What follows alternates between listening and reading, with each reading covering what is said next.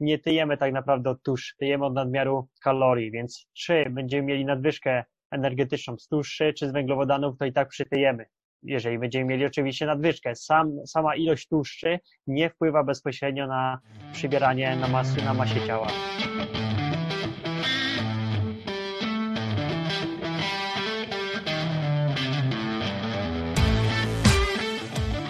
Cześć, nazywam się Michał Bukraba i zapraszam Was na kolejny odcinek podcastu CityFit.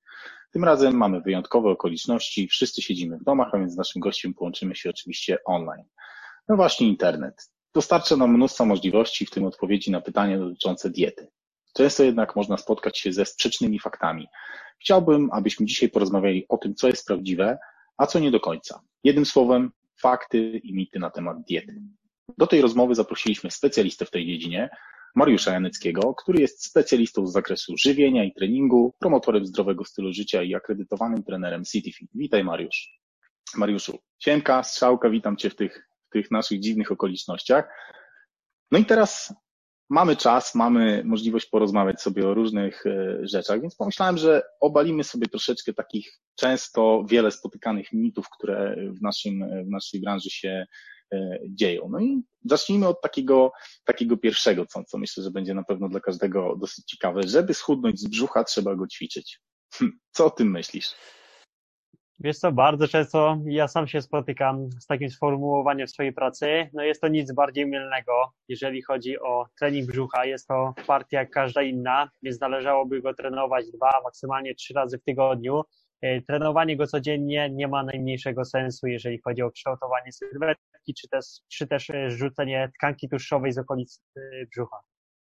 No widzisz, to jest ciekawa informacja, bo jednak wiele osób, jak przychodzi po poradę jakąś treningową, zazwyczaj zaczyna właśnie od, od czegoś takiego, jak ja schudnę tu z ud, czy, czy z klatki, czy z czegokolwiek, żeby ćwiczyć, żeby ćwiczyć. No to, to jest jak najbardziej mitomania, to trzeba myśleć o tym trochę szerzej. No dobrze, no to teraz przejdźmy do rzeczy bardziej e, dietetycznych. Tłuszcze. Czy powodują tycie, czy nie powodują tycia? Oj, właśnie poruszyłem ostatnio ten temat u siebie na Instagramie też. Jak mówią wszelkie badania, nie tyjemy tak naprawdę od tłuszczu, tyjemy od nadmiaru kalorii, więc czy będziemy mieli nadwyżkę energetyczną z tłuszczy czy z węglowodanów, to i tak przytyjemy. Jeżeli będziemy mieli oczywiście nadwyżkę. Sam, sama ilość tłuszczy nie wpływa bezpośrednio na przybieranie na, masy, na masie ciała. No to w takim razie co? Wystarczy ćwiczyć, żeby schudnąć, czy, czy, czy, czy trzeba czy trzeba tylko i wyłącznie obcinać kalorie? Jest to tutaj wszystko się opiera tak naprawdę wokół e, bilansu energetycznego. Jeżeli mamy surplus kaloryczny, no to będziemy przebierali na wadze. Jeżeli deficyt, to tracimy na wadze. Żaden makroskładnik nie ma tutaj większego wpływu. Oczywiście, jeżeli mówimy o kształtowaniu tej sylwetki, czyli albo o przybieraniu na masie, albo o redukcji tkanki tłuszczowej, to wtedy czy węglowodany, czy tłuszcze nie są bezpośrednim czynnikiem, który ma na to wpływ, lecz kaloryczność ogólna. Okej, okay, w porządku. No to teraz przejdźmy do następnego mitu. Najpierw masa, potem rzeźba, czyli najpierw trzeba troszeczkę się podać, żeby był efekt, czy to zdrowe, czy żeby tak balansować wagą? No i to jest też kolejne dobre pytanie. Często osoby myślą, że muszą nałożyć tych kilogramów nie wiadomo ile, 5, 6, czasami 10 kilogramów, żeby zbudować tą masę mięśniową. Jest to tak zwane zalewanie się tak naprawdę. Nie niesie to za sobą żadnych dodatkowych profitów. Zdecydowanie lepiej zrobić tą masę mięśniową y, w powolnym tempie, czyli dokładać te kilogramy, mówimy tutaj o 0,5-0,6 kg na tydzień. W skali miesiąca daje to maksymalnie, bym powiedział, około 2 kg wtedy jesteśmy w miarę w stanie budować jakościową tą masę mięśniową, a nie nabierać tkanki tłuszczowej, bo teraz y, zobaczmy na to z boku. Y, przez pół roku nakładamy na siebie 15-20 kg, tylko teraz pytanie, ile z tego jest masy mięśniowej powiedzmy około kilograma dwóch, a resztę no to jest tkanki tłuszczowej, więc teraz e, proces redukcji będzie dwa, trzy razy dłuższy niż mogłoby to mieć miejsce, jeżeli zrobimy to wszystko z głową. Także zdecydowanie nie jestem zwolennikiem, aby nabierać tutaj zbędnych kilogramów zbędnego balastu. Lepiej, lepiej jest wszystko zrobić tutaj na spokojnie. Więc teraz odpowiadając na Twoje pytanie, yy...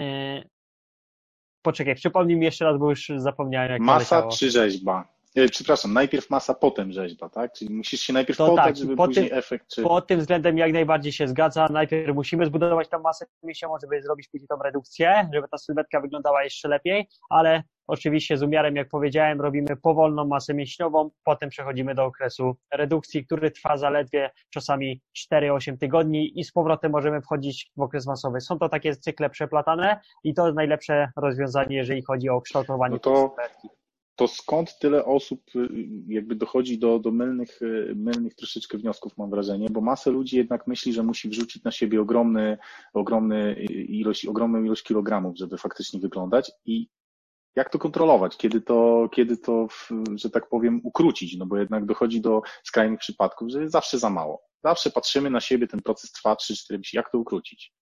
Gdzie tu jest banda, no właśnie, granica? Właśnie to jest takie błędne podejście, że każdy myśli, że te kilogramy mają jakieś większe znaczenie w kontekście budowania tej masy mięśniowej.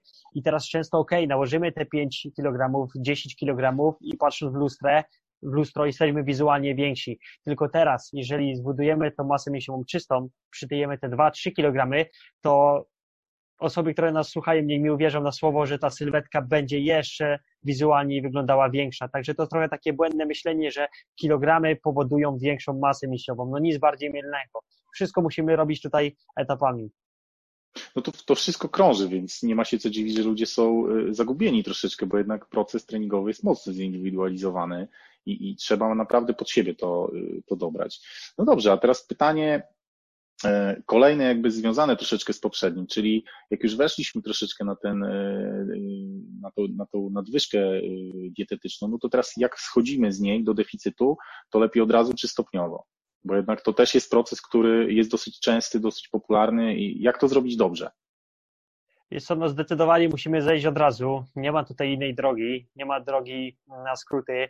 E, szybki przykład. Jeżeli nasze zapotrzebowanie wynosi 2000, teraz jesteśmy w okresie budowania masy mięśniowej, spożywamy powiedzmy 2500, nawet te 3000, dochodzimy do 3000, to teraz obcinając stopniowo na przykład na 2500 kilokalorii, to my i tak będziemy w nadwyżce kalorycznej. Także najlepszym rozwiązaniem jest na nowo obliczyć swoje zapotrzebowanie kaloryczne i od tego odjąć i to będzie nasz deficyt kaloryczny, bo teraz jeżeli zaczynaliśmy z pułapu 2000, no to musimy zdać sobie sprawę, że teraz nasza podstawowa przemiana materii też nie będzie na, na tym samym pułapie, czyli e, musimy na nowo obliczyć swoje zapotrzebowanie kaloryczne, e, także bardziej wychodzę z tej strony, bo tak jak powiedziałem, jeżeli my obetniemy 200-300 e, kilokalorii z obecnej kaloryczności, to, naprawdę, to tak naprawdę nie, my nie będziemy w deficycie kalorycznym, więc utrata wagi jest tutaj w tym momencie też niemożliwa. Okej, okay, w porządku. No to dobrze, to teraz, żeby nabrać masy mięśniowej, trzeba pić odżywkę białkową. Czy to jest prawda, czy to jest eee, nieprawda? To jest również często, tak. często się z tym spotykam. Tak i nie. Jeżeli tą odżywką białkową wytworzy, wytworzysz e, naddatek kaloryczny, to jak najbardziej tak, ale patrząc pod względem samej, samego picia odżywki białkowej, nie ma to większego znaczenia na budowanie masy mięśniowej.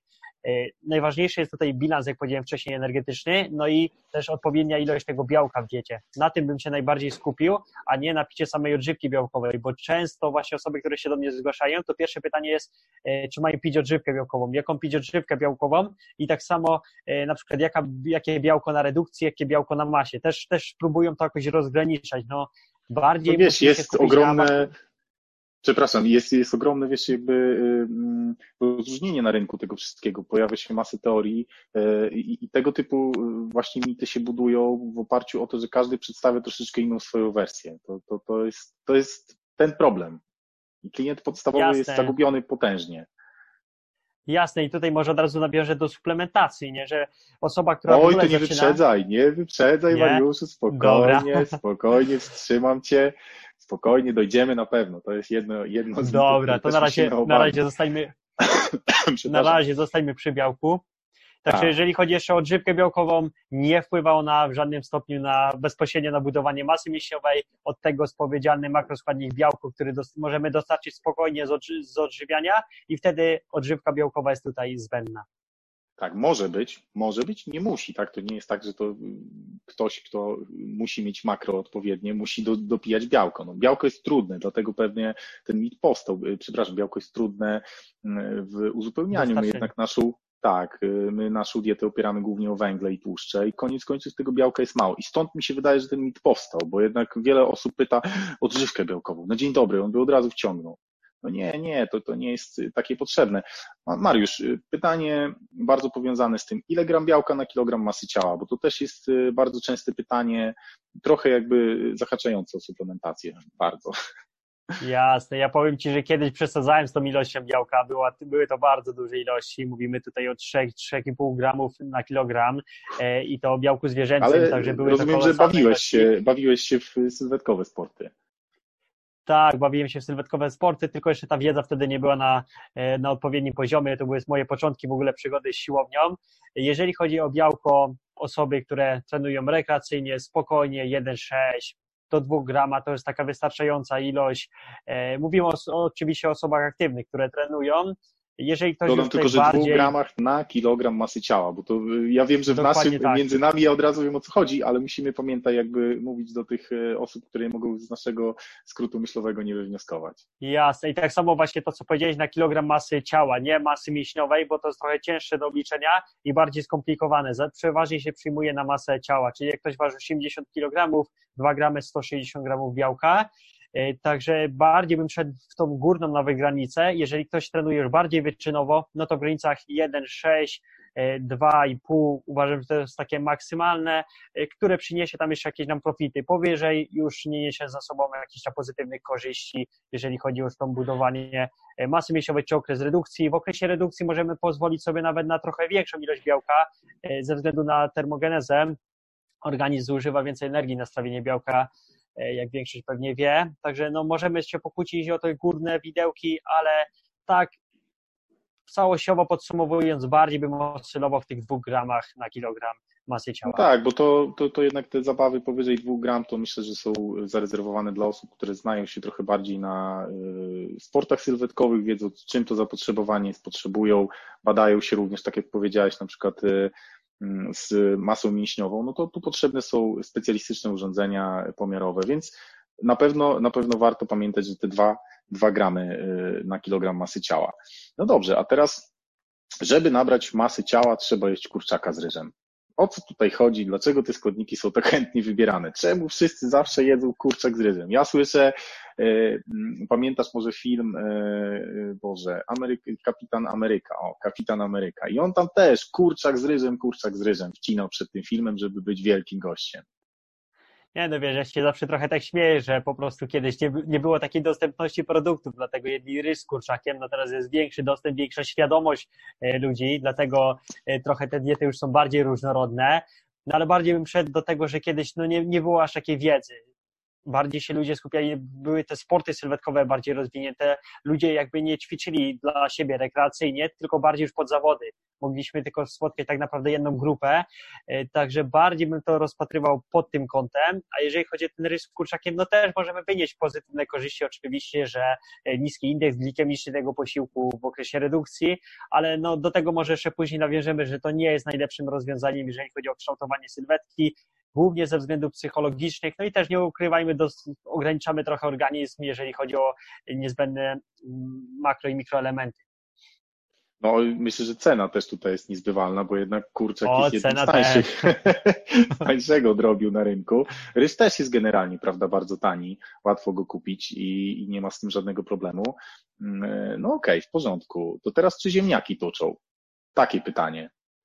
Czy ziemniaki Oj, toczą? Ziem... Ja, ja słyszałem no ciekawą i... teorię na temat ziemniaka. Co, co byś powiedział? To może, to może powiedz swoim, to ci powiem resztę. I, I, słuchaj, no ja y, akurat, jeżeli chodzi o ziemniaki, y, to jest akurat y, potrawa, którą ja od dzieciństwa jadą u mnie w domu, to było podstawą drugiego dania.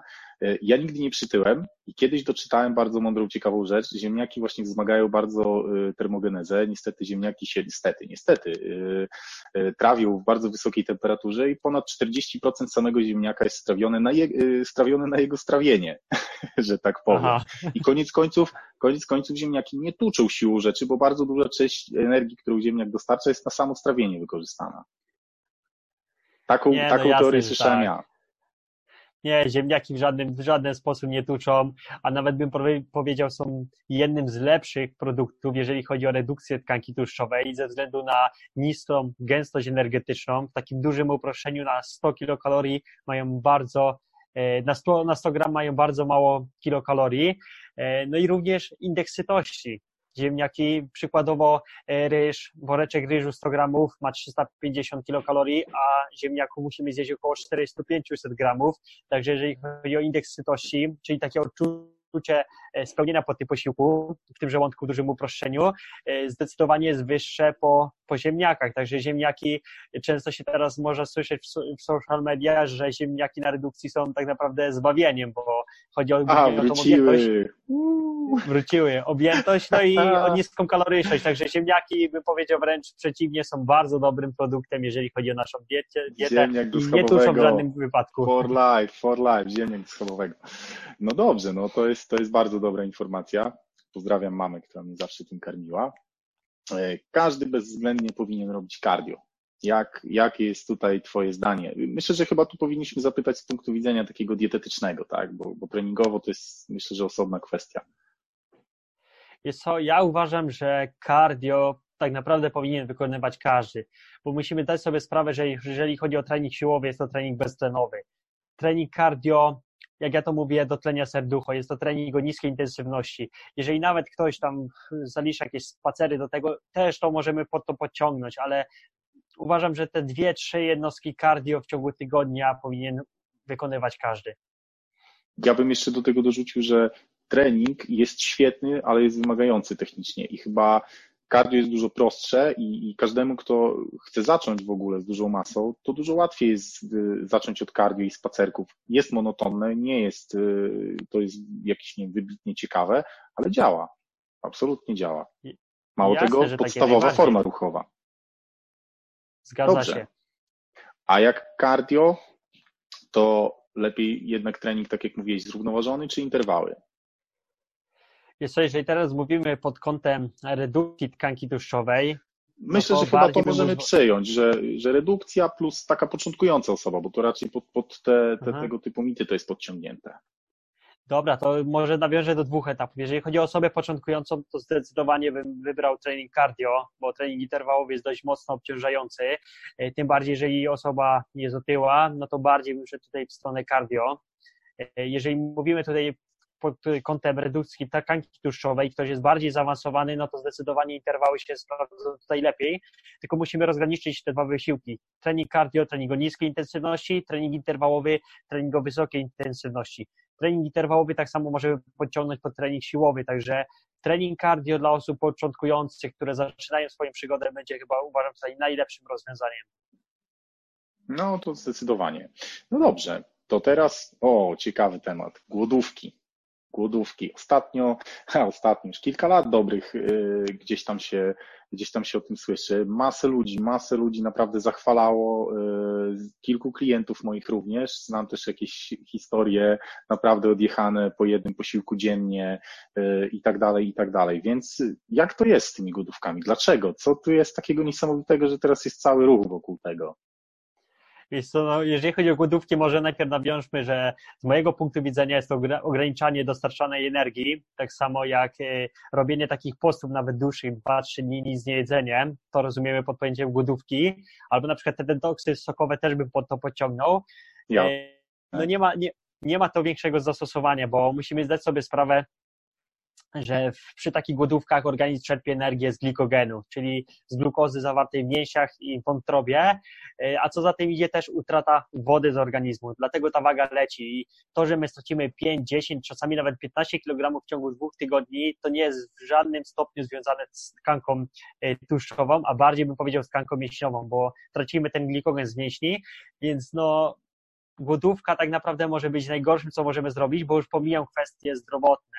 E, Wchodzimy w wszelkiego rodzaju mm, problemy hormonalne. U kobiet jest to za- zanik okresu, e, zanik miesiączki, e, u facetów spadek poziomu testosteronu, spadek libido. Także no, niesie to bardzo dużo za sobą poważnych konsekwencji, także głodówki to jest chyba najgorsze, co można tak naprawdę zrobić.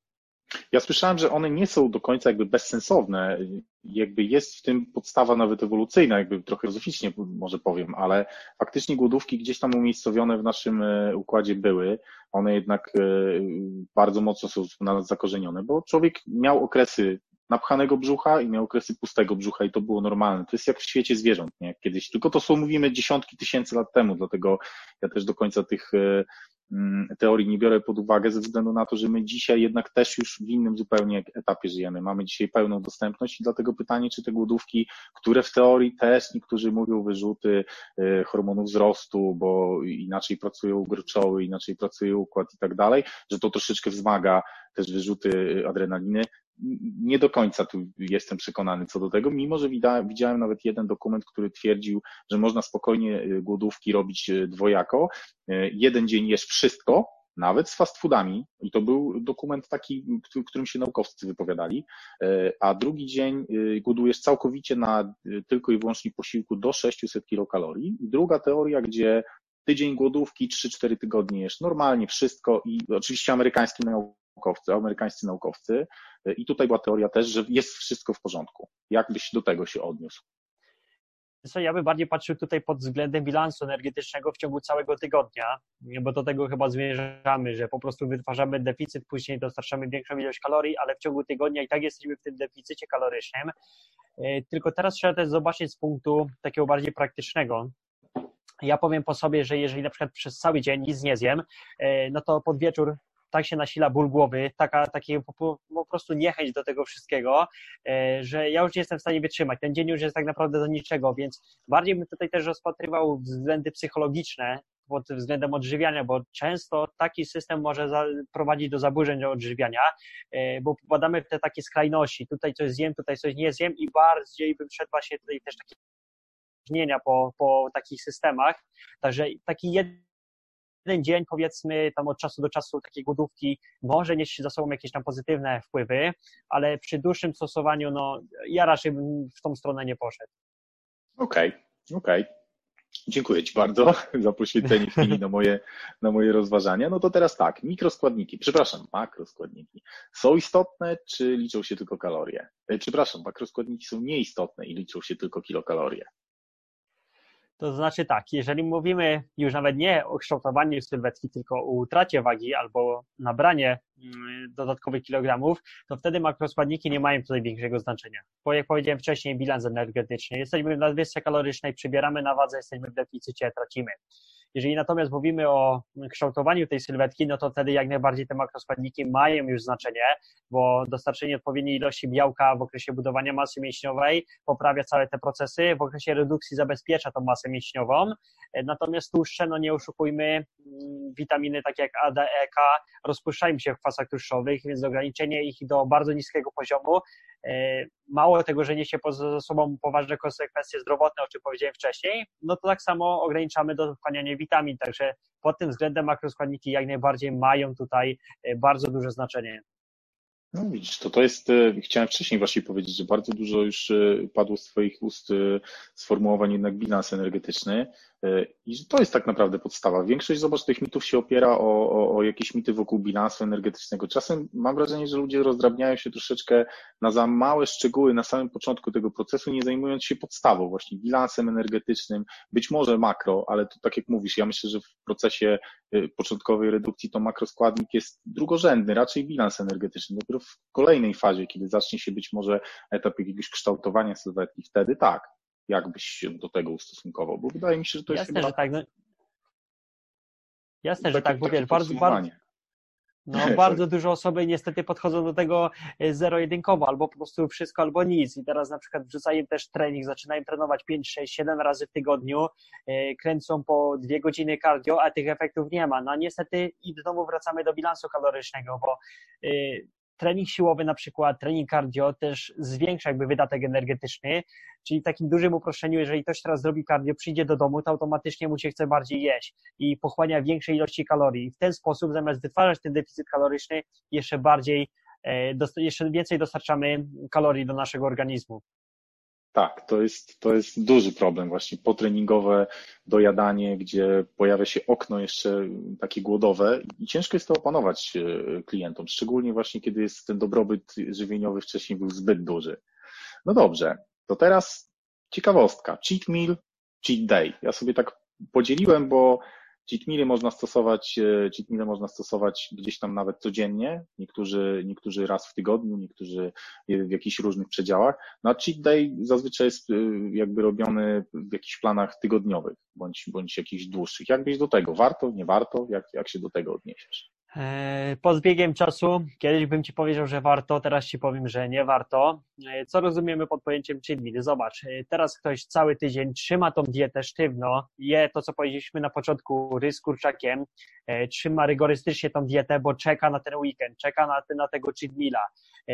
No i co do, co do czego dochodzi? Kończy się ten tydzień i po prostu wpada i je do oporu. Często się to kończy nawet cheat dayem, bo hamulce tak naprawdę puszczają i to jest dla mnie też wyrabianie sobie takich złych relacji z tym żywieniem, bo z jednej strony się ograniczamy, bo gdzieś tam chcemy dojść sylwetkowo, a z drugiej już czekamy od poniedziałku, poniedziałek się zaczynamy, już myślimy o weekendzie, żeby zjeść tego cheat. E, dlatego ja wychodzę z założenia 80-20 dieta, czyli 80% stosujemy produktów nisko przetworzonych, 20% po prostu to, na co mamy ochotę. Może być to nawet kawałek czekolady, kawałek ciasta, oczywiście uwzględniając to w bilans kaloryczny. To nam daje taki spokój psychiczny, bo każdego dnia możemy sobie coś zjeść, na co mamy ochotę. I wtedy pojęcie cheat meal tak naprawdę traci tutaj sens, bo e, w ten sposób, podchodząc do diety, możemy zjeść wszystko. Więc później nie ma tego weekendu, że a teraz muszę coś zjeść, bo zjedliśmy to w trakcie tygodnia, nie? Także bardziej bym to rozpatrywał pod kątem właśnie takiego racjonalnego żywienia, luźnego podejścia do diety i unikania tych takich kompulsywnych objadania się, bo no niestety, hmm. ale często cheat day się kończy, cheat meal się kończy cheat dayem, a powiedzmy... A to często powoduje tego... załamanie procesu. Zgadza się, a to wszystko dlatego, że w ciągu tygodnia wytwarzamy deficyt powiedzmy 1200 e, kilokalorii, przychodzi weekend i pakujemy w siebie 3-4 tysiące i niestety w poniedziałek zamiast na wazę mniej jest e, więcej.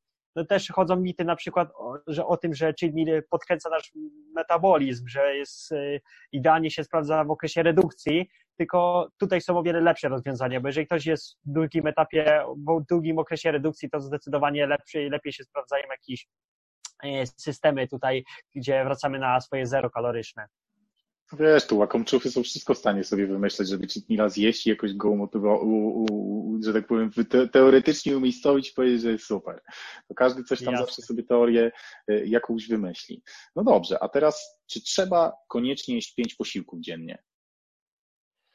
E, no i tutaj tą kwestię również ostatnio poruszałem, że jest to też jeden wielki mit. Patrząc pod względem tego, co mówią badania, nie ma większego znaczenia, czy my spożywamy trzy posiłki, czy spożywamy pięć, czy sześć posiłków. Oczywiście mówimy tutaj o osobach zdrowych, e, także ilość posiłków nie ma tutaj większego znaczenia i znowu wracamy do tego, co na początku, czyli dostarczana energia w ciągu całego dnia. Czy my dostarczymy 3000 kilokalorii w trzech posiłkach, czy dostarczymy w pięciu posiłkach, nie ma to większego wpływu. Ja tutaj jeszcze bym y, połączył te dwie y, rzeczy, które powiedziałeś z poprzedniego pytania i z tego, czy, czy z mitu. Y, ta reguła 80-20 plus tak naprawdę te pięć posiłków, to ja uważam, że trzeba dostosowywać sobie ilość posiłków i w ogóle wielkość tych posiłków do po prostu codzienności, w której się żyje. Jeżeli ktoś pracuje na zmiany, musi sobie tak dostarczyć ilość posiłków, żeby z pracą się wyrobić. Jeżeli ktoś ma komfort pracy z domu albo jakoś inaczej ułożone swoje życie, musi tą ilość do tego dopasować. I ta reguła 80-20, o której powiedziałeś, to jest coś, co mi w ostatnich kilku latach chyba najlepiej się e, spodobało, jeżeli chodzi o podejście dietetyczne, bo ja mam problem w przekazywaniu tej, tej takiej wiedzy dietetycznej. E, nie jestem ekspertem absolutnie, natomiast no, ileś lat już pracuję w zawodzie i klientom zawsze coś tam poradzę i Zazwyczaj to się kończy tym, że niestety klient y, legnie na jakichś podstawach y, tworzenia sobie planów dietetycznych. Zazwyczaj brak czasu, po prostu. Być może za mała motywacja, żeby to, to podźwignąć. Te 80-20 świetnie się sprawdza.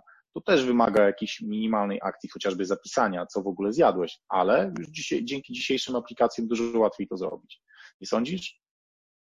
Jasne, że tak. No i musimy tutaj od razu powiedzieć o stereotypach, które mówią, że trzeba spożywać te pięć posiłków co trzy godziny. Jeżeli ktoś mówi, ma problemy zdrowotne, no to owszem, ma to jakieś tam zastosowanie, ale tak powinniśmy dobierać to bardziej pod siebie i to, jaki my mamy tryb życia. Jeżeli tak jak powiedziałeś, pracujemy na e, trzy zmiany, pracujemy na nocne zmiany, to te, ta ilość posiłków może być większa. Jeżeli pracujemy e, systemem ośmiogodzinnym, możemy śmiało zmniejszyć tą ilość posiłków. Tu już musimy dostosować do siebie.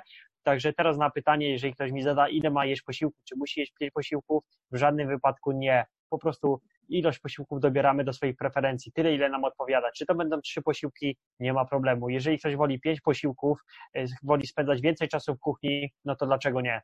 To jest wszystko już bardzo indywidualna kwestia. No i musimy, my jako trenerzy musimy się dostosować bardziej do osoby, e, bo pamiętajmy, że dieta jest dla nas, a nie my dla diety. Dokładnie, dokładnie. No to kolejne pytanie y, z zakresu mitów, tym razem jajka. Warto, nie warto? Z jednej strony cholesterol, z drugiej świeże białko. Jakie jest Twoje zdanie? Oj, jajka uważam, że powinny się znajdować w diecie każdego. Jeżeli chodzi o cholesterol, no to musimy dać sobie sprawę, że do organizmu, organizm, jeżeli chodzi o cholesterol z pożywienia jest około 20-30%, a reszta jest wytwarzana w wątrobie i bardziej bym tutaj szedł e, w prowadzenie złego stylu życia, czyli tłuszcze nasycone, e, bazowanie na wysoko przetworzonej żywności, alkohol, papierosy, to w większym stopniu będzie powodowało wzrost poziomu cholesterolu niż samo, samo spożywanie jajek. E, jajka też są wzorcowym białkiem do naszego organizmu, dostarczają wszelkich e, witamin, na przykład z grupy B, A, D. Także jeżeli chodzi o jajka, uważam, że się powinny znajdować. Widziałem chyba jakiś taki artykuł odnoszący się też do badań, że około 10 jajek tygodniowo e, nie wykazuje tutaj jakichś tam negatywnych skutków, ale czy też uważam, że powinniśmy spożywać ich jakieś duże ilości, bo często dostaję pytania, czy na przykład 10 jajek dziennie jest, czy będzie ok. No, nie popadajmy trochę w skrajności, bardziej zdroworozsądkowo. Jeżeli na przykład zjemy te dwa, trzy jajka nawet dziennie, e, no to tam się nic nie stanie, ale też starajmy się wprowadzać inne produkty do diety, bo często kończy się tak, że na śniadanie się przyjęło, że na przykład leci albo jecznica, albo jakiś omlet, no i później jest tak, że codziennie leci to samo, to samo, to samo, to samo, także bardziej bym szukał tutaj różnorod różnorodności w tej diecie, ale odnosząc się do Twojego pytania, jajka i najbardziej możemy spożywać. Nie ma to większego wpływu patrząc pod względem cholesterolu. Jedzcie jajka. No to teraz powiedziałeś tłuszcze, padło słowo cholesterol, no to w takim razie jakie tłuszcze są najlepsze, bo jest jednak sporo kontrowersji. LDL, HDL to są nazwy, które często są powtarzane, nie każdy wie jaka jest różnica, nie każdy wie w ogóle co to jest. Czy to jest w ogóle istotne? Czy, czy, czy cała ta rozmowa o tych tłuszczach ma jakiś sens i czy to, czy to jest jak najbardziej temat, którym należy się przejmować? Wiesz co, no z jednej strony bym zwrócił na to uwagę, bardziej też na proporcje, czyli zdecydowanie ograniczyć do minimum tłuszcze nasycone, tłuste mięsa, takie margaryny, też tłuszcze trans, tego, żeby nie było więcej niż 5% w naszej diecie.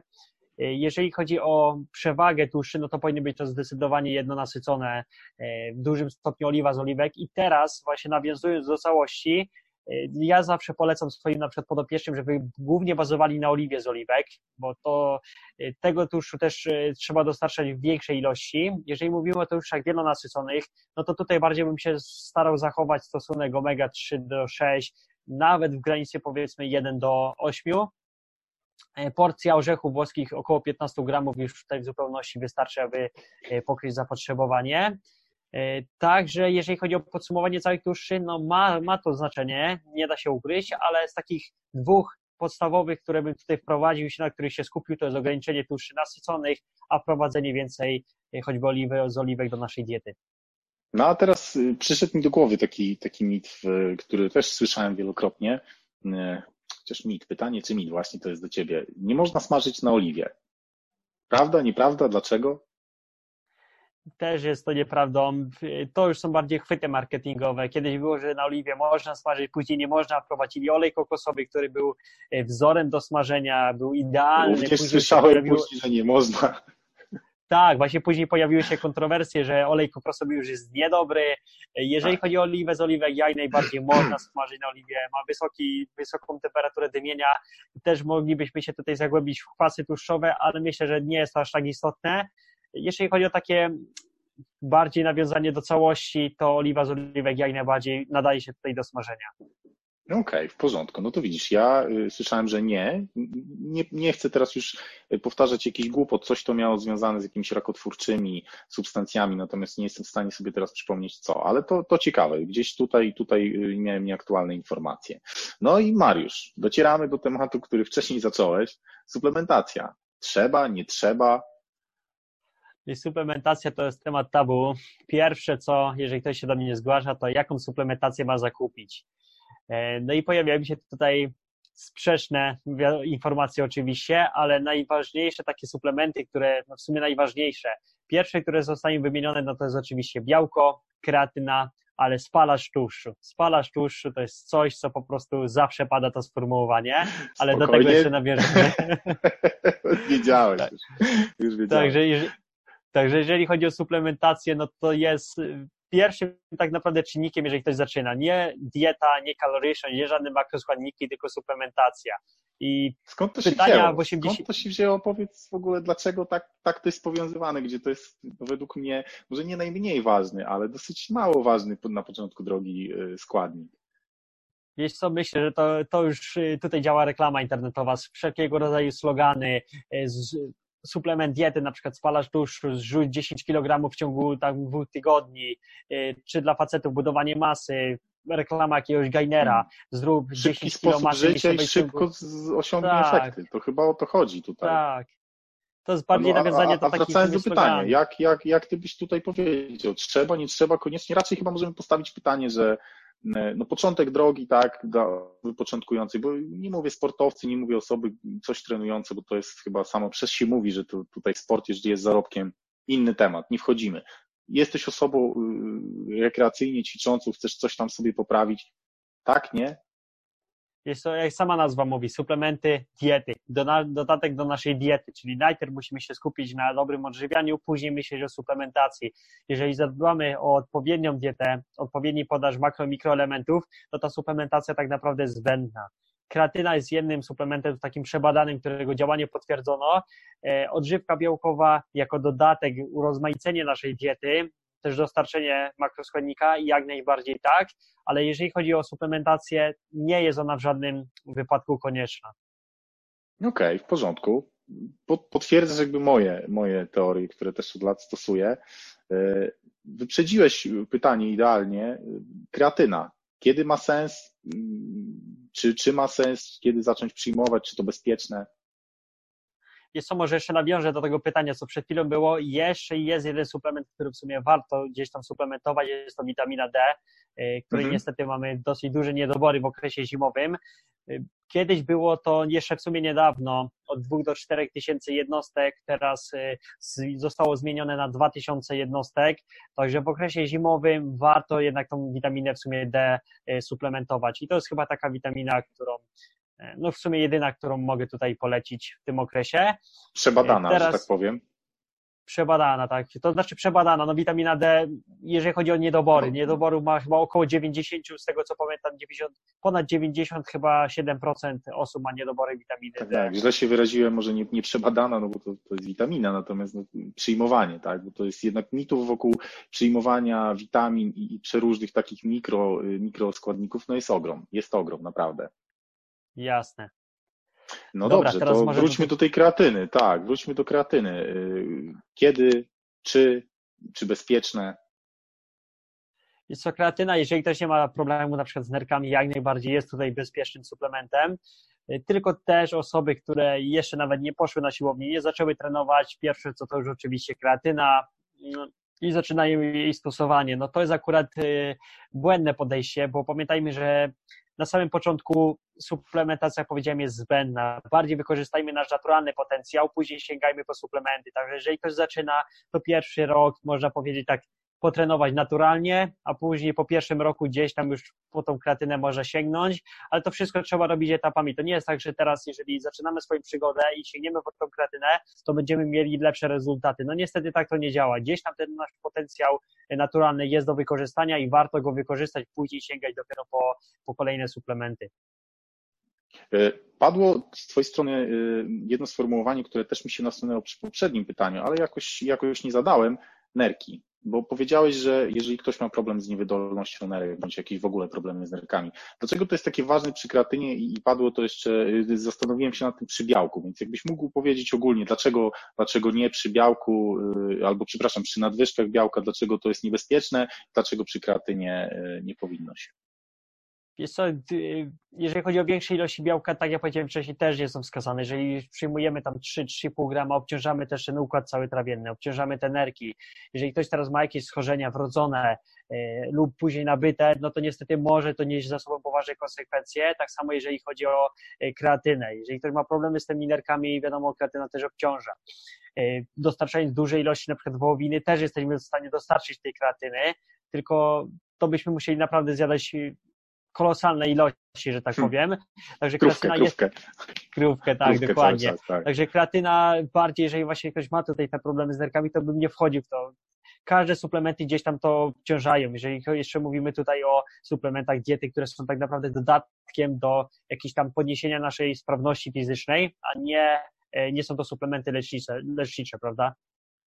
Okej. Okay.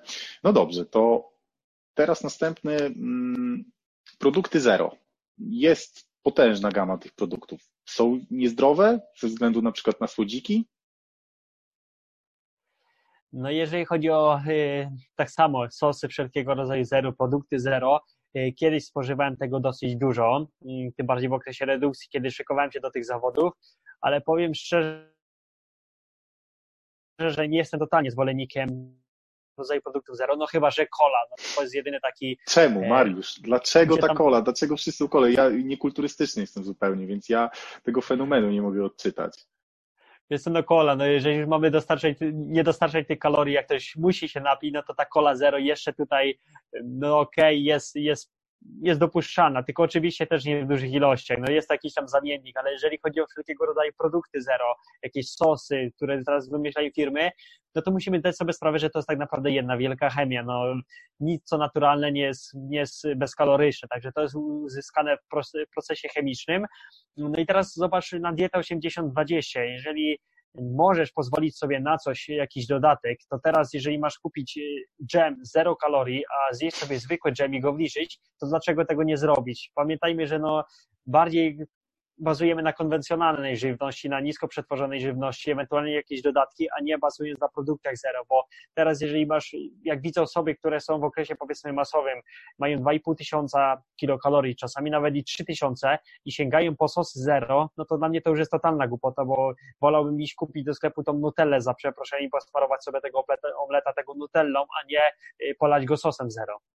No ja, ja nie widzę tutaj żadnego... Te Dlatego właśnie uważam, że te 80-20 jest idealne, bo zamiast trzymać się jakichś głupot i, i wymyślać tak naprawdę jakieś e, e, przeróżne metody e, na, na, oszukiwanie siebie, to tutaj masz odpowiednią od razu całą dietę dostosowaną. Zjedz, okej, okay, w porządku, ale tak, żeby to było tylko jakąś niewielką częścią twojego posiłku, planu, czegoś, ale spokojnie możesz wtedy opanować to wszystko, a nie rzucanie się od razu na głęboką wodę. Będę gotował, będę robił to, wydam 1500 y, z budżetu na pudełka i tak dalej, i tak dalej. I to wszystko, to wszystko się zawiera w tak prostej regule, 80-20. Jasne, że tak. No i zobacz, to, samo co z suplementacją. Wszyscy kładą nakład na suplementację, a nie, nie skupiają się tak naprawdę na podstawach. To tak jakbyś zaczął dom budować od dachu. No, no nie da się tego zrobić, prawda? Tak samo jeżeli wiesz, no, chodzi tutaj mam wrażenie, że jakby suplementacja jest z dwóch stron. Ona troszeczkę sam biznes napiera owszem na, na suplementację, bo to, to działa, tu nie ma co mówić, że nie działa. Jakieś długofalowe skutki zdrowotne zobaczymy y, w przyszłości, jak to się y, wszystko ma. Natomiast z drugiej strony również i, i, i nasza społeczność trenerska również poleca suplementy. No koniec końców to przyspiesza wyniki, tak? I, i klientom również na tym, na tym czasem zależy, więc to, to też jest y, bardzo obusieczny miecz, że tak powiem, ta suplementacja.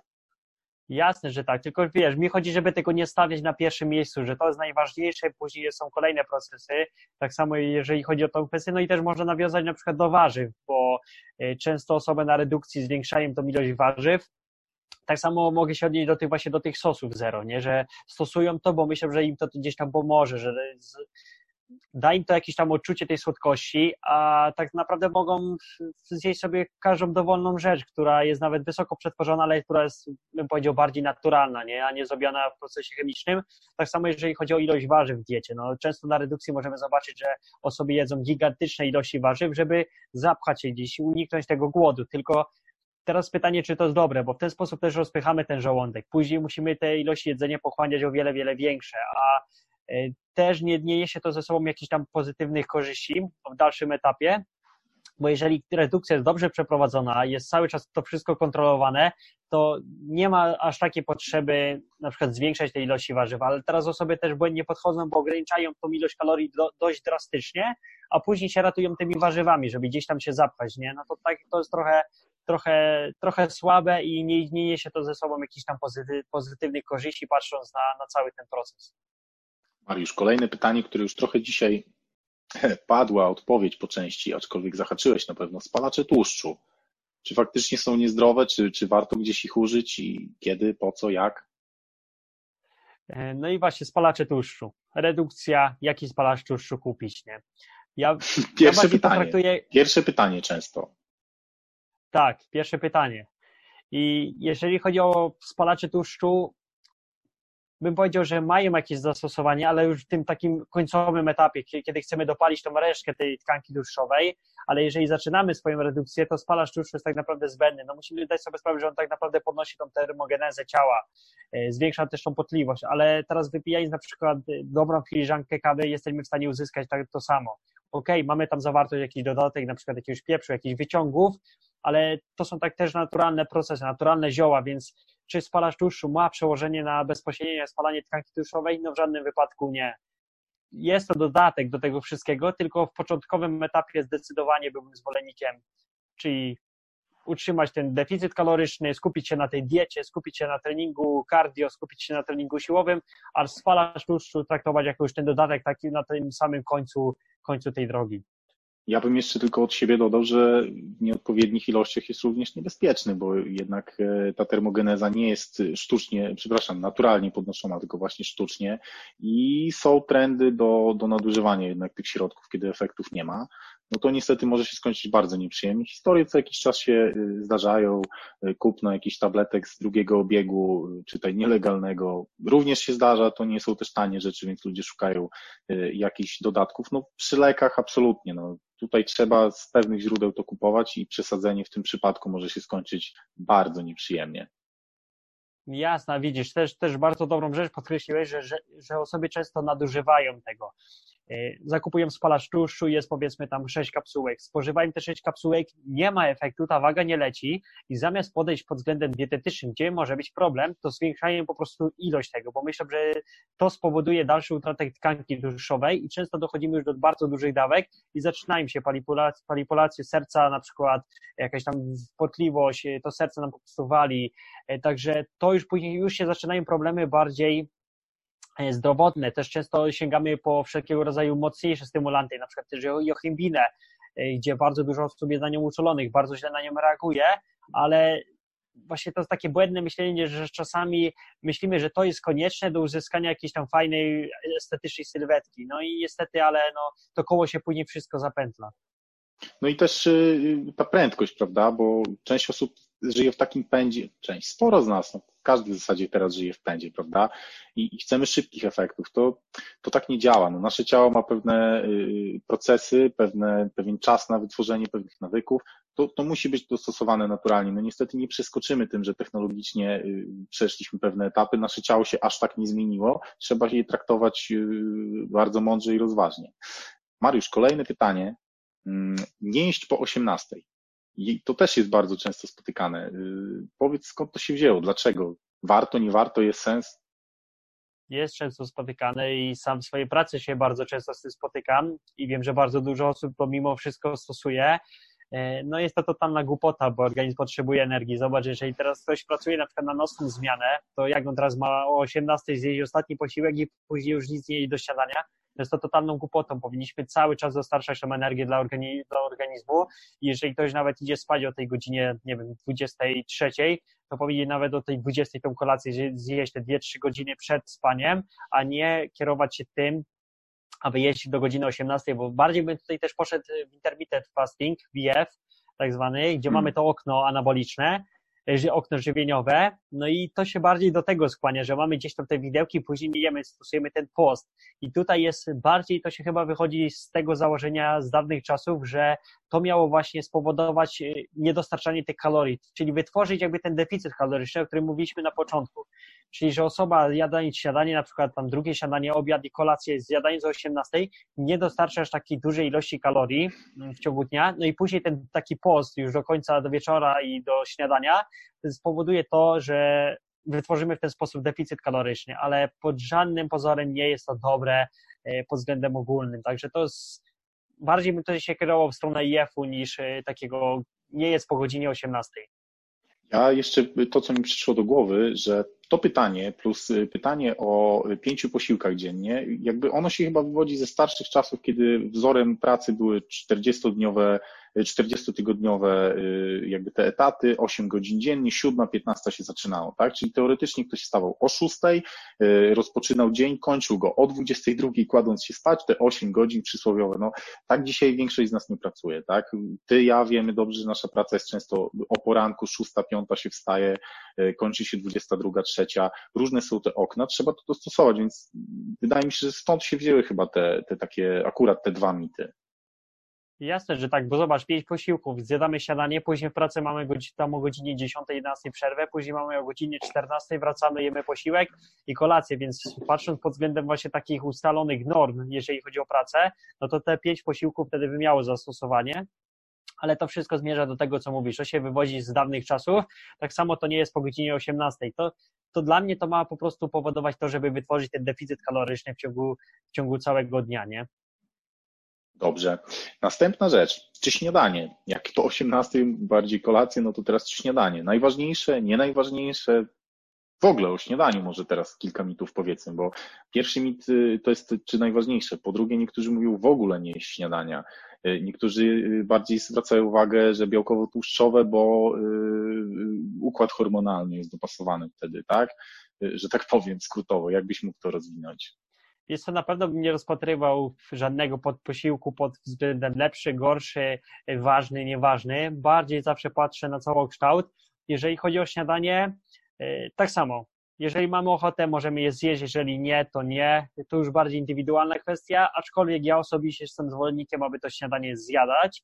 E, co do białka tłuszcz, białko, węgle, też bardzo sprawa indywidualna. Często się mówiło, że śniadania białkowo-węglowodanowe powodują ten wyrzut insuliny białkowo-tłuszczowej, bo nie powodują. Też możemy wchodzić w sprawy kortyzolu, że rano jest wyższy poziom kortyzolu, węglowodany tam jeszcze to potęgują, ale nie ma większego zastosowania, jeżeli chodzi tak naprawdę w praktyce, bo to są też po części trochę takie mity kierowane w tą stronę.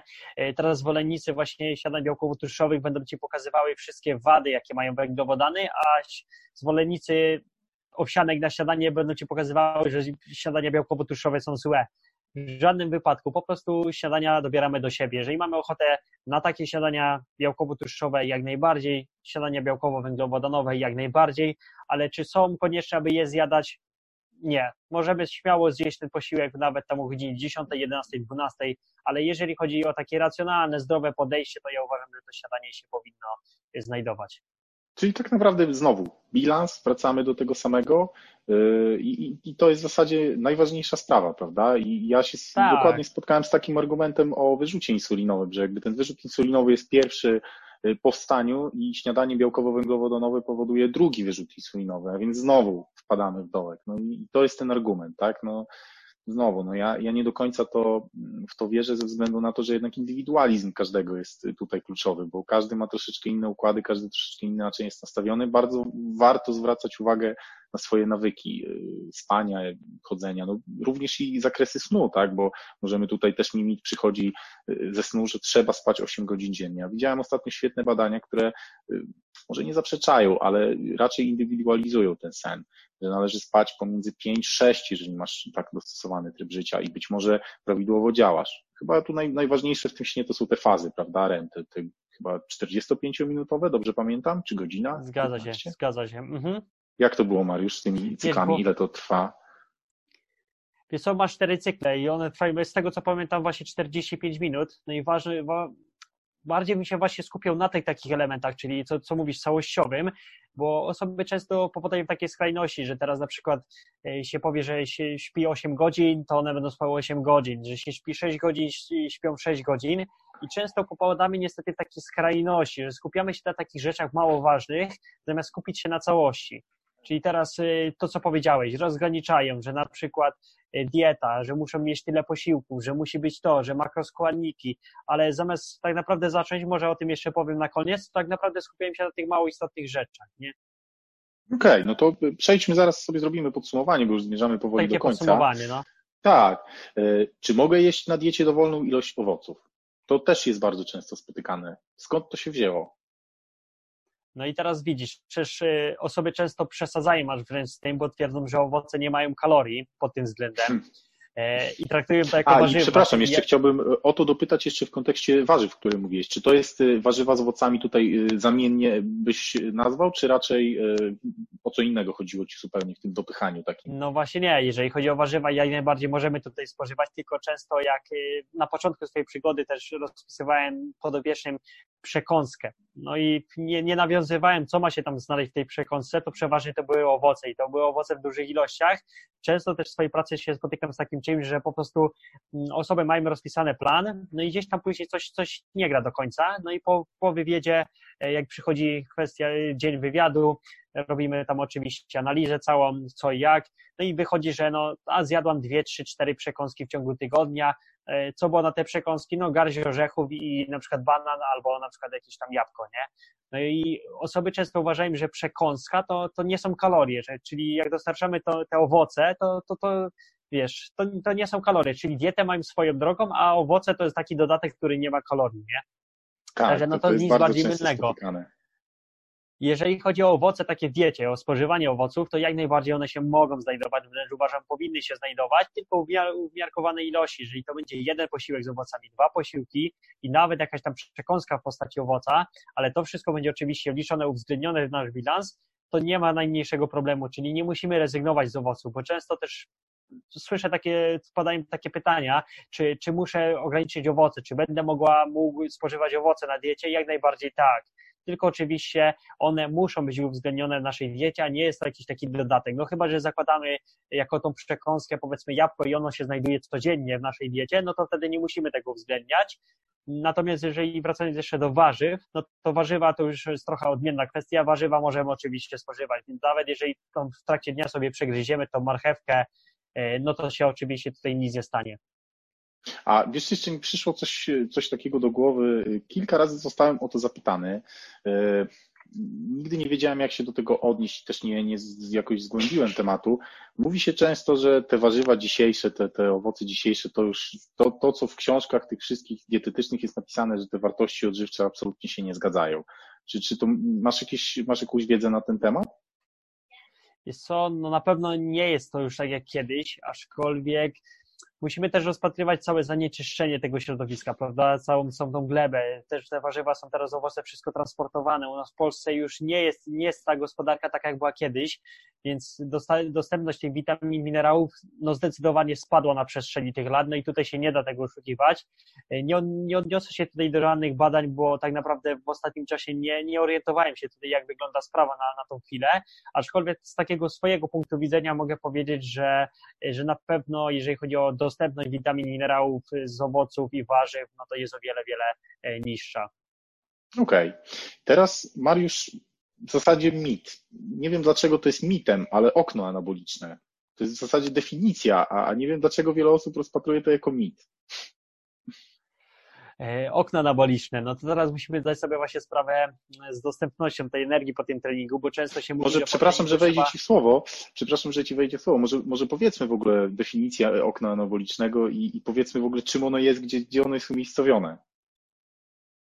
Właśnie, jeżeli chodzi o tą, o tą kwestię, okno anaboliczne, no to się przyjmuje, że jest to e, ten okres zaraz tutaj po treningu, najczęściej jest to tam do 45 minut i musimy dostarczyć odpowiednią ilość e, węglowodanów. Mówi się, że węglowodanów, aby uzupełnić ten zapas glikogenu mięśniowego. No tylko to niestety nie jest do końca tak, jak się, jak się nazywa w teorii, bo są już badania, które pokazują, że dostarczenie od 20 do 40 mm, gramów białka zwiększa tą syntezę białek mięśniowych w okolicach potreningowych i, ten, i tak naprawdę się okazuje, że węglowodany już, już są tutaj zbędne, czyli nie są one jakby tutaj koniecznym czynnikiem, bo często możemy się właśnie spotkać, że węglowodany muszą być, a białka białka nie, nie, białko nie jest aż tak konieczne, aczkolwiek no, jak badania pokazują, białko nawet może pokryć to, te straty, to zapotrzebowanie. Także no, jeżeli chodzi... Ciekawostka, nie, nie znałem tego. No, no właśnie to jest, to jest też takie w sumie teraz niedawno się spotkałem właśnie z tym sformułowaniem. Także jeżeli chodzi o tą kwestię, e, także jeżeli chodzi o to okno anaboliczne, nie jest to też do końca tak, jak się przyjmowało, że jest to 45 minut i obowiązkowo trzeba zjeść tego banana na przykład po, po treningu.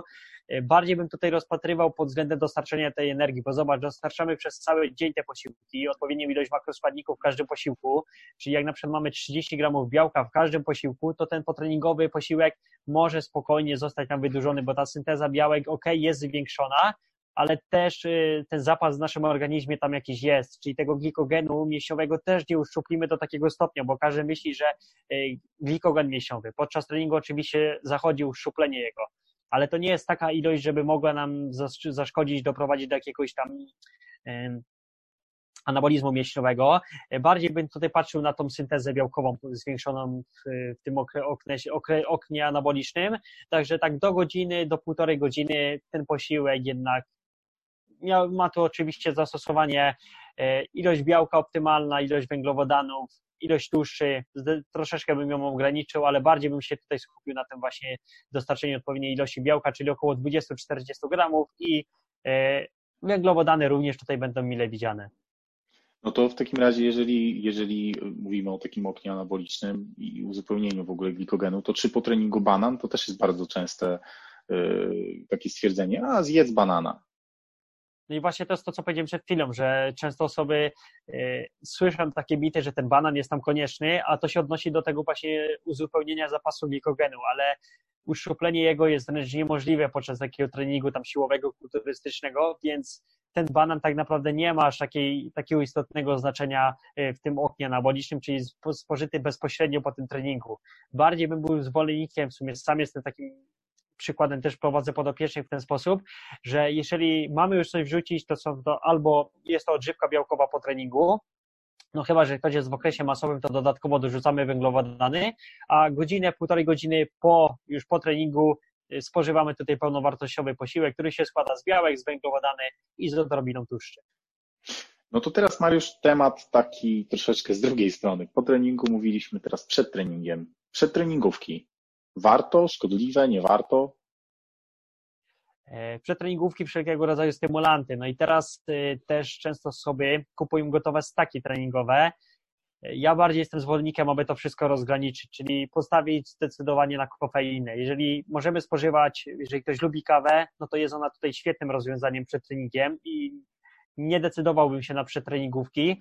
Mm, jeżeli ktoś nie lubi kawę, no to można też kupić kofeinę tutaj w tabletkach, z tym nie ma też oczywiście problemów.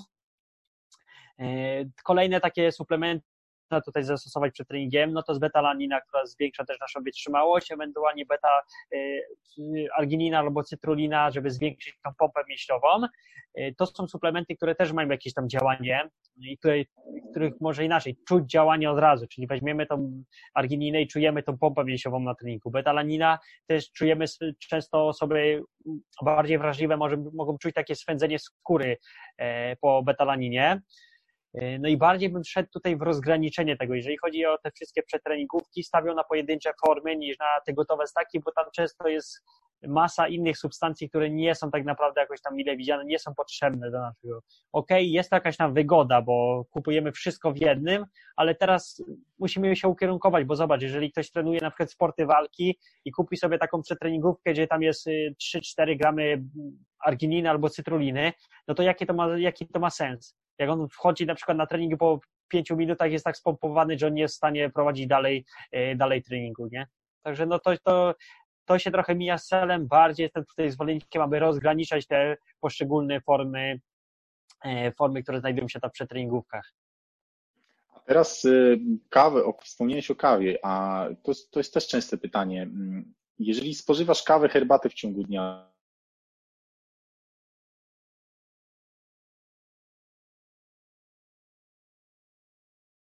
w ciągu dnia i jakbyś też mógł powiedzieć w ogóle, chyba można powiedzieć, że w kategorii odwodnienia. Jak w ogóle, ile tych płynów? Wiesz co, płyny są oczywiście bardzo ważne, bardzo ważne jest ich dostarczanie. Ja przeważnie zakładam, że osoba, która ma na przykład w swojej diecie 2000 kilokalorii, żeby te 2 litry wody spożywała, czyli tak, w takim dużym uproszczeniu 3000, 3 litry. Jeżeli chodzi o kawę i herbatę, również można to wliczyć ten swój cały bilans, z tym, że bardziej bym bazował na tej wodzie oczywiście, ale możemy uwzględnić to, tylko oczywiście nie powielajmy mitu, że kawa od dwa dnia, bo to jest największy, największy mit, jaki też słyszałem. Już są badania, które zaprzeczają temu. Kawa w żaden sposób nie odwadnia. E, I co do samej, samego stosowania kawy, jak najbardziej jestem tutaj zwolennikiem jak również badania pokazują, wręcz e, picie kawy podnosi jeszcze nasze, nasze jakby tutaj osiągi, także kawa dwie, trzy, nawet cztery dziennie nie zaszkodzą, a wręcz pozytyw, wręcz przeciwnie, mogą przynieść pozytywne korzyści, jeżeli chodzi o, o, o nasz trening na przykład, czy w ogóle mm, funkcjonowanie. A czy doprecyzuję, a czy na pewno chodzi o każdą kawę, czy tylko o czarną kawę? Bo mi się wydaje, że badania dotyczyły tych kaw y, niebielonych, że tak powiem, mlekiem, niesłodzonych.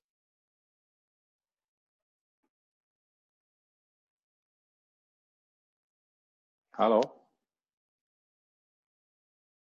Halo, halo? Jasne, że tak, tylko teraz musimy zdać. Coś no. chyba przerwało. Mów, mów. Coś przerwało. Ja słyszę Cię i widzę. Ja Cię widzę. Dobra.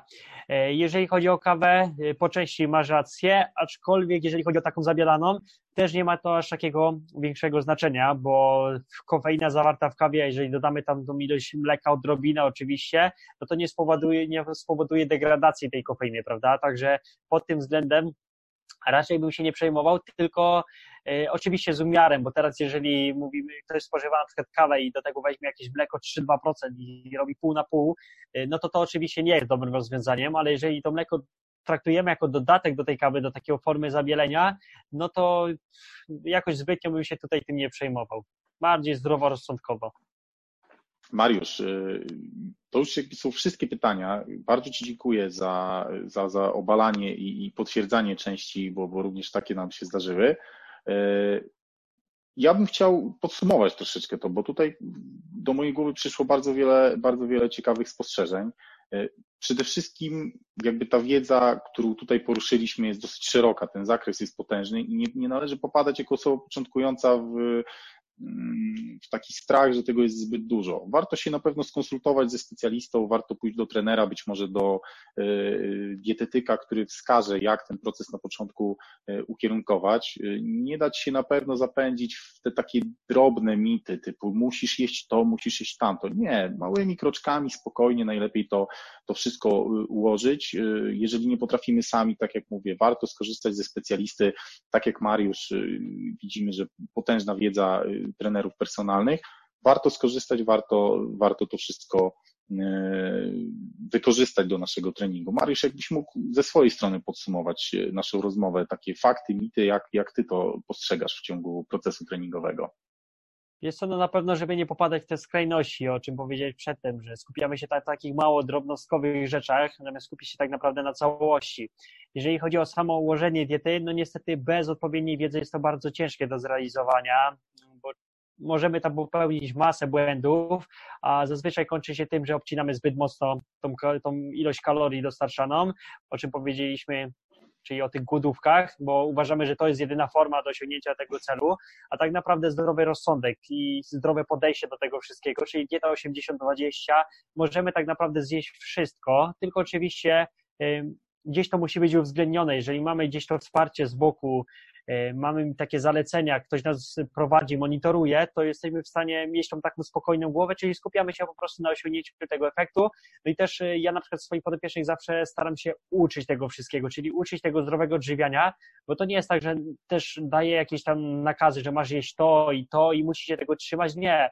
Tutaj chodzi o takie nauczenie bardziej osoby tego racjonalnego odżywiania, by później mogła to wszystko kontynuować. No i też nie popadać w te skrajności, bo często po pewnym czasie się zamykamy w, z tym wszystkim i dochodzi do takiego momentu, gdzie jemy te, te same posiłki, jemy na przykład tych pięć posiłków, jest to na przykład właśnie ryż, kurczak, broku, jak to się mówi i popadamy też trochę taką paranoję, że później wchodzimy na tą wagę, patrzymy efektów, nie ma kurcze, coś jest nie tak i zaczynamy, tam, zaczynamy coś kombinować, coś modyfikować. No i tutaj niestety już wchodzimy w sprawy bardziej psychologiczne, gdzie zamykamy się w sobie i nie, nie widząc tych efektów, chcemy dalej po prostu wprowadzać jakieś nie do końca dobre, dobre posunięcia. No i tutaj też już można później wchodzić w jakieś tam anoreksje, bilumie, także ty, tego już tutaj nie będziemy poruszali, ale chodzi o ten taki zdrowy rozsądek, racjonalne podejście do tego wszystkiego, czyli nie skupiać się na tych drobnostkach takich, y, co mam zjeść, jak mam zjeść, czy to, czy to można, czy tego nie można, bardziej podejść zdroworozsądkowo, wprowadzić te zdrowe nawyki żywieniowe i to wszystko kontynuować. Pamiętajcie o tym, żeby zaczynać ze zdrowym rozsądkiem. Pamiętajcie o tym, że zawsze jest grono specjalistów, których możecie się poradzić. Ja bardzo Ci dziękuję, Mariusz, e, za rozmowę. Dzisiejszym moim gościem był Mariusz Janecki, promotor zdrowego stylu życia i nasz trener akredytowany e, w CityFit. Dziękuję Ci bardzo, Mariusz, za rozmowę. Również Ci dziękuję.